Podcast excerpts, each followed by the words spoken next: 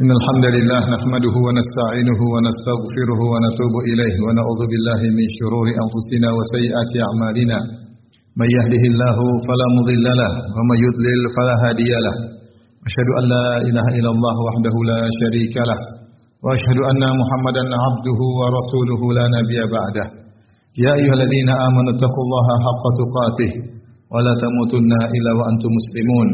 فإن أصدق الحديث كتاب الله وخير الهدى هدى محمد صلى الله عليه وسلم وشر الأمور محدثاتها وكل محدثة بدعة وكل بدعة ضلالة وكل ضلالة في النار معاشر المسلمين أوصيكم ونفسي بتقوى الله فقد فاز المتقون Sungguhnya Allah berfirman dalam surat At-Taubah tentang orang-orang munafikin, orang-orang kafir yang munafik dalam dua ayat. Allah berfirman, "Fala tu'jibuka amwaluhum wala auladuhum, innama yuridu Allah liyu'adzibu liyu'adzibahum biha fil hayatid dunya wa tazhaqa anfusuhum hum kafirun." Kata Allah Subhanahu wa taala, "Janganlah engkau takjub dengan harta mereka dan juga dengan anak-anak mereka." Sungguhnya Allah ingin mengazab mereka dengan harta-harta dan anak-anak mereka dalam kehidupan dunia dan kemudian nyawa mereka dicabut dengan keras sementara mereka meninggal dalam kondisi kafir. Allah mengulangi dengan makna yang mirip dengan ayat ini kata Allah Subhanahu wa taala, "Wala tu'jibuka amwaluhum wa auladuhum, innama yuridullahu ay yu'adzibahum biha fil hayatid dunya."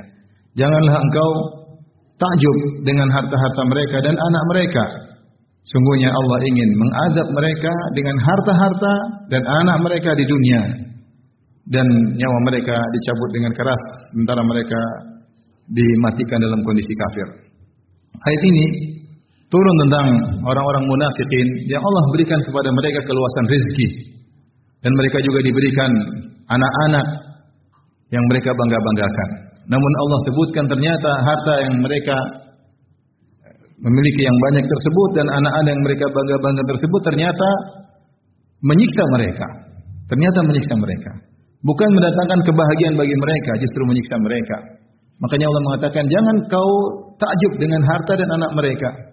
Kenapa? Innama yuridullahu liyu'adzibahum biha fil hayatid dunya. Hanyalah Allah memberikan harta-harta yang banyak, anak-anak yang banyak kepada mereka. Bukan karena Allah cinta kepada mereka, justru Allah ingin mengazab mereka dengan harta-harta dan anak-anak tersebut. Subhanallah. Kita lihat sebagian orang kaya, bukannya dia bahagia, bukannya tentram hatinya, justru kekayaannya membuat dia sengsara. Justru kekayaannya membuat dia hidup dengan tidak tenang.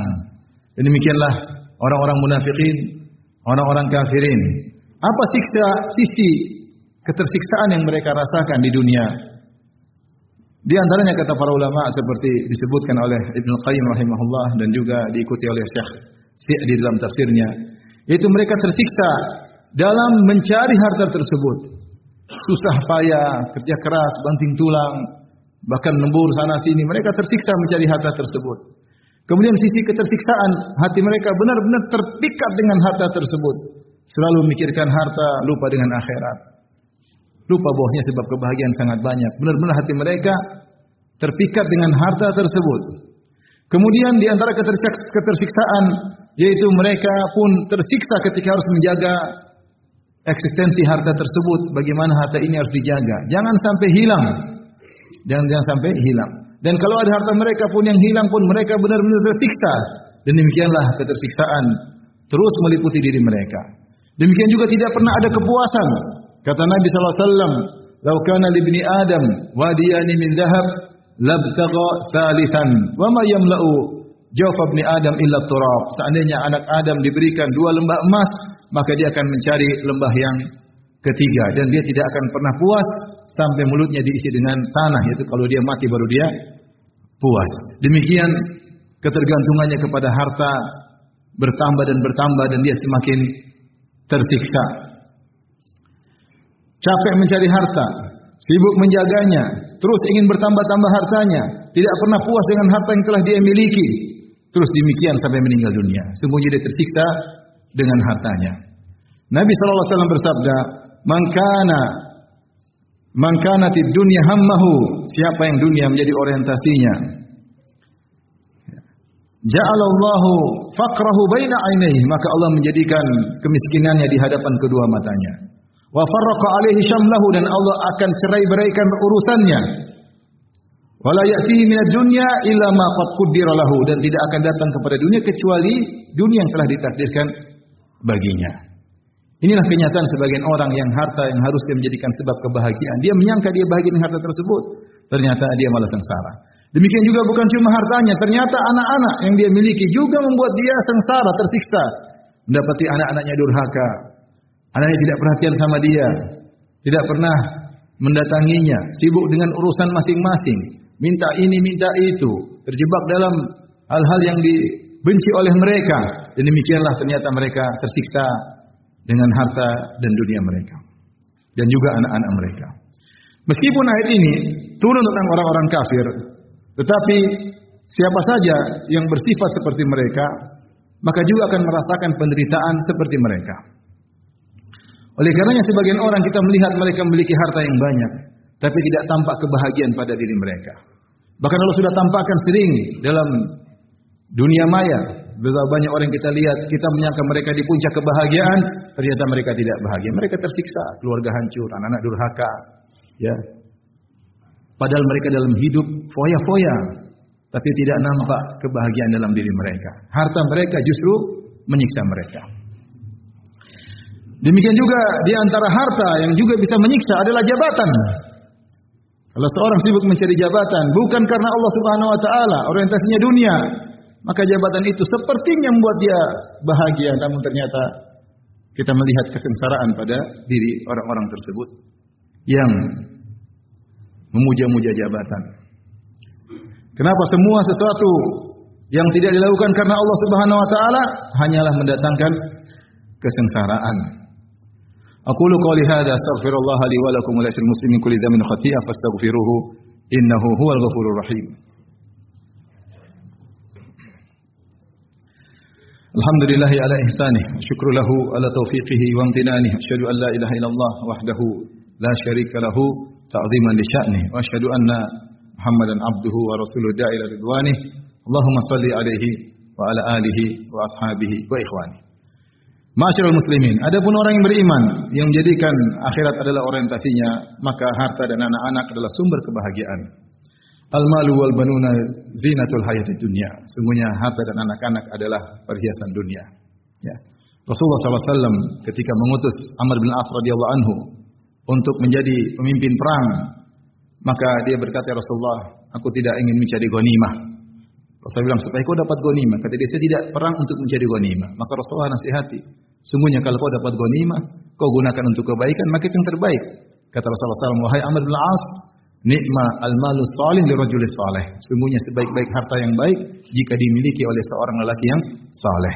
Kenapa harta tersebut? akan digunakan untuk mencari pahala sebanyak-banyaknya, untuk mencari kebahagiaan. Bahkan Rasulullah SAW mengatakan, La hasada illa fitnatain, tidak ada hasad kecuali kepada dua orang. Yang pertama adalah seorang yang berilmu, yang mendapatkan ilmunya. Yang kedua kata Nabi SAW, Rajulun atahu Allahul mal, wa huwa yusallituhu ala halakati fil haq. Seorang yang Allah berikan harta kepadanya, kemudian dia habiskan hartanya untuk kebaikan. Orang seperti ini berat untuk kita cemburui. Kenapa? Dia menggunakan hartanya untuk kebahagiaannya. Lihatlah orang-orang yang rajin dermawan karena Allah Subhanahu wa taala. Mereka semakin bahagia dan semakin bahagia. Bahkan kecanduan untuk bersedekah. Kalau mereka tidak bersedekah, mereka merasa gelisah. Kenapa mereka tahu ada kebahagiaan yang hilang dari diri diri mereka? Bagaimana tidak? Al jaza menyisil amal. Balasan sesuai dengan perbuatan. Ketika seorang yang mengeluarkan hartanya di jalan Allah Subhanahu wa taala untuk membahagiakan orang lain, maka Allah akan berikan kebahagiaan pada pada dirinya maka jadilah hartanya adalah sumber kebahagiaannya. Demikian juga anak-anaknya. Ketika dia mendidik anak-anaknya dengan baik, dengan harta yang halal, yang dibangun di atas orientasi akhirat, dididik anak-anaknya, maka jadilah anak-anaknya anak-anak yang berbakti. Jadi setiap anak yang dia miliki mendatangkan kebahagiaan. Dia pandang anak-anaknya dengan penuh kebahagiaan. Maka itulah orang-orang yang beriman. Apa kata Nabi sallallahu alaihi wasallam? Wa kanat man kanatil akhiratu hammahu. Siapa yang akhirat merupakan orientasinya, ja'alallahu ghinahu fi qalbih, maka Allah akan jadikan kecukupan, kekayaan dalam hatinya. Wa jama'a lahu maka Allah akan gabungkan padukan urusannya, tidak ada yang tercerai-berai, dia mudah mengurus segalanya. Wa ta'tihi dunya wa atati wa atatu dunya wa hiya dan dunia akan datang kepadanya dengan dalam kondisi tunduk. Meskipun dia tidak mencarinya dengan tamak, tetap akan datang dunia tersebut kepadanya. Inilah orang yang beriman yang mengetahui bahwasanya ketakwaan akan mendatangkan keberkahan.